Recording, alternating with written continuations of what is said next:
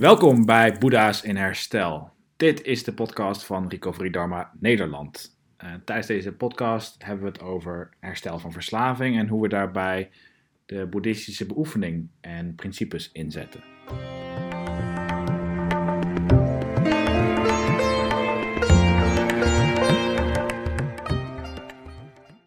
Vrijgevigheid, compassie en liefdevolle vriendelijkheid maken vergeving mogelijk.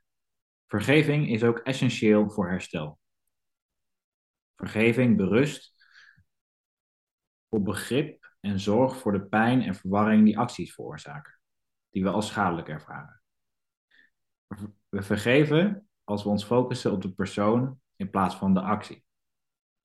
En we vergeven alleen in het heden, wanneer pijn en boosheid ons er bewust van maken dat wrok onze eigen liefdevolle reacties blokkeert. Op deze manier is vergeving niet zozeer iets dat we geven aan de persoon die ons pijn deed, maar iets dat we aan onszelf geven. Het is meer gericht op onze eigen bewuste intentie om te kiezen voor een vaardige reactie. Net zoals wij soms handelen uit angst, uit zucht of verwarring, zien we anderen dat ook doen. Vergeving betekent niet dat we schadelijk gedrag accepteren of tolereren. Het komt vanuit het begrip en de acceptatie dat de andere persoon die ons schade berokkent dit doet vanuit een plek van pijn en verwarring. We breiden compassie en goede wil uit naar die persoon, zelfs als we actief proberen om een einde te maken aan die pijn. Dit betekent misschien dat we veilige grenzen moeten creëren of onszelf niet langer moeten blootstellen aan die pijn. Maar dit doen we vanuit een plek van compassie en begrip, niet vanuit wrok. En het is essentieel dat we de heling van vergeving en compassie uitbreiden naar onszelf. Vergeving staat ons toe om de schuld en schaamte los te laten van onze eigen schadelijke acties. We herinneren ons dat compassie een actie is. Dus wanneer we onszelf vergeven, hebben we de intentie om de schade die we bij anderen aan onszelf veroorzaakten, niet te continueren of opnieuw te creëren. Het herstellen is een belangrijk onderdeel van vergeving. Als ons duidelijk wordt welke schade we hebben veroorzaakt door ons gedrag tijdens onze verslaving, committeren we ons aan het goedmaken van dit schadelijke gedrag. We maken het niet goed omdat we willen voldoen aan een externe morele norm of om vergeven te worden of om er iets voor terug te krijgen. In plaats daarvan gebruiken we het proces om onze verwachtingen en onze teleurstellingen in anderen en onszelf los te laten. Met andere woorden, om onze gehechtheid aan een ander verleden los te laten. Een van de centrale principes van karma is dat alleen ik zelf verantwoordelijk ben voor de manier waarop mijn eerdere acties impact hebben op mijn huidige reacties op de wereld. We veranderen onze gewoontes door het verleden los te laten en door de balans in onze relaties te herstellen. Dingen die we in het verleden deden, creëerden de gedragspatronen die onze gedachten en intenties blijven vormen in het heden.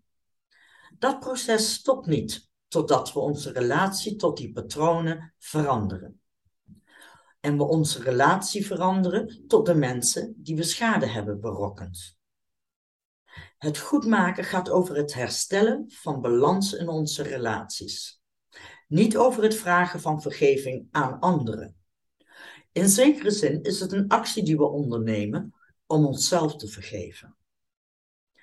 Wanneer we tot het begrip zijn gekomen van onze impact op anderen en die realiteit confronteren, beginnen we het doel van het goedmaken te begrijpen. Onze beoefening van compassie leidt tot een verlangen om het lijden van de mensen die we pijn hebben gedaan te verminderen. En tot een verbintenis om geen lijden meer te veroorzaken. Zelfs als de persoon geen onderdeel meer is van ons leven, is het mogelijk om hun pijn te erkennen en om ze onze goede wil en onze spijt te betuigen. Het goedmaken betekent dat we doen wat we kunnen om de schade te herstellen of te genezen. Als dat niet mogelijk is, besluiten we om een goede daad te verrichten. Niet ter compensatie, maar om onze gewoonte in een andere richting te ontwikkelen. Wanneer we bewust verantwoordelijkheid nemen voor onze acties, laten we schadelijke vermijding en zelfveroordeling los en ontwikkelen we een gevoel van verbinding, vrede en gemak. Het beginpunt van het goedmaken is een bereidwilligheid om onszelf te vergeven en het pad van verzoening te kiezen. Niet alleen met degene die we schade hebben berokkend, maar ook met ons eigen hart en onze geest.